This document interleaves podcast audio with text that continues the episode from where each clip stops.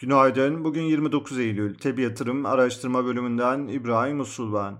Yurt dışı borsalar haftanın ilk yarısında gördüğümüz satışların sonrasında bu sabah toparlanma eğiliminde.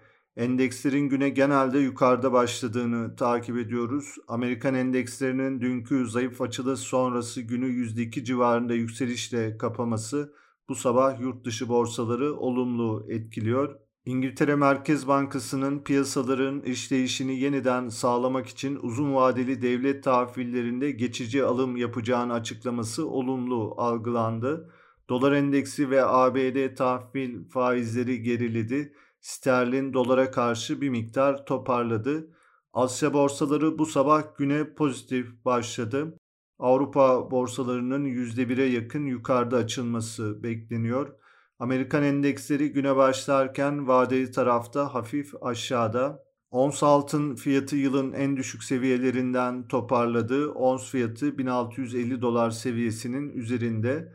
Petrol fiyatları salı gününden beri yükseliş eğiliminde. Hafta başında 82,5 olan Brent tipi petrol 87 dolar seviyesine kadar yükseldi. Amerika'da bugün ikinci çeyrek gayri safi yurt içi hasıla final rakamları açıklanacak. Daha önce açıklanan rakamlara paralel Amerikan ekonomisinin ikinci çeyrekte %0.6 daralması bekleniyor. Borsa İstanbul tarafında ise dün satıcılı kapanış yaşandı. BIST 100 endeksi günü %2.07 düşüşle tamamladı. Bugün Borsa İstanbul'un güne hafif yukarıda başlamasını, endeksin yeniden 3300 direnç seviyesine doğru hareketlenmesini öngörüyoruz. Diğer önemli bir direncimiz 3450 seviyesinde. Desteklerimiz 3160 ve 3100 seviyelerinde bulunuyor.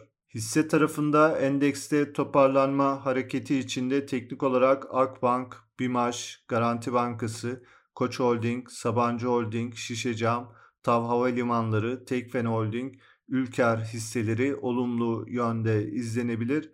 Piyasaları değerlendirmeye devam edeceğiz. Teb yatırım olarak herkese iyi bir gün dileriz.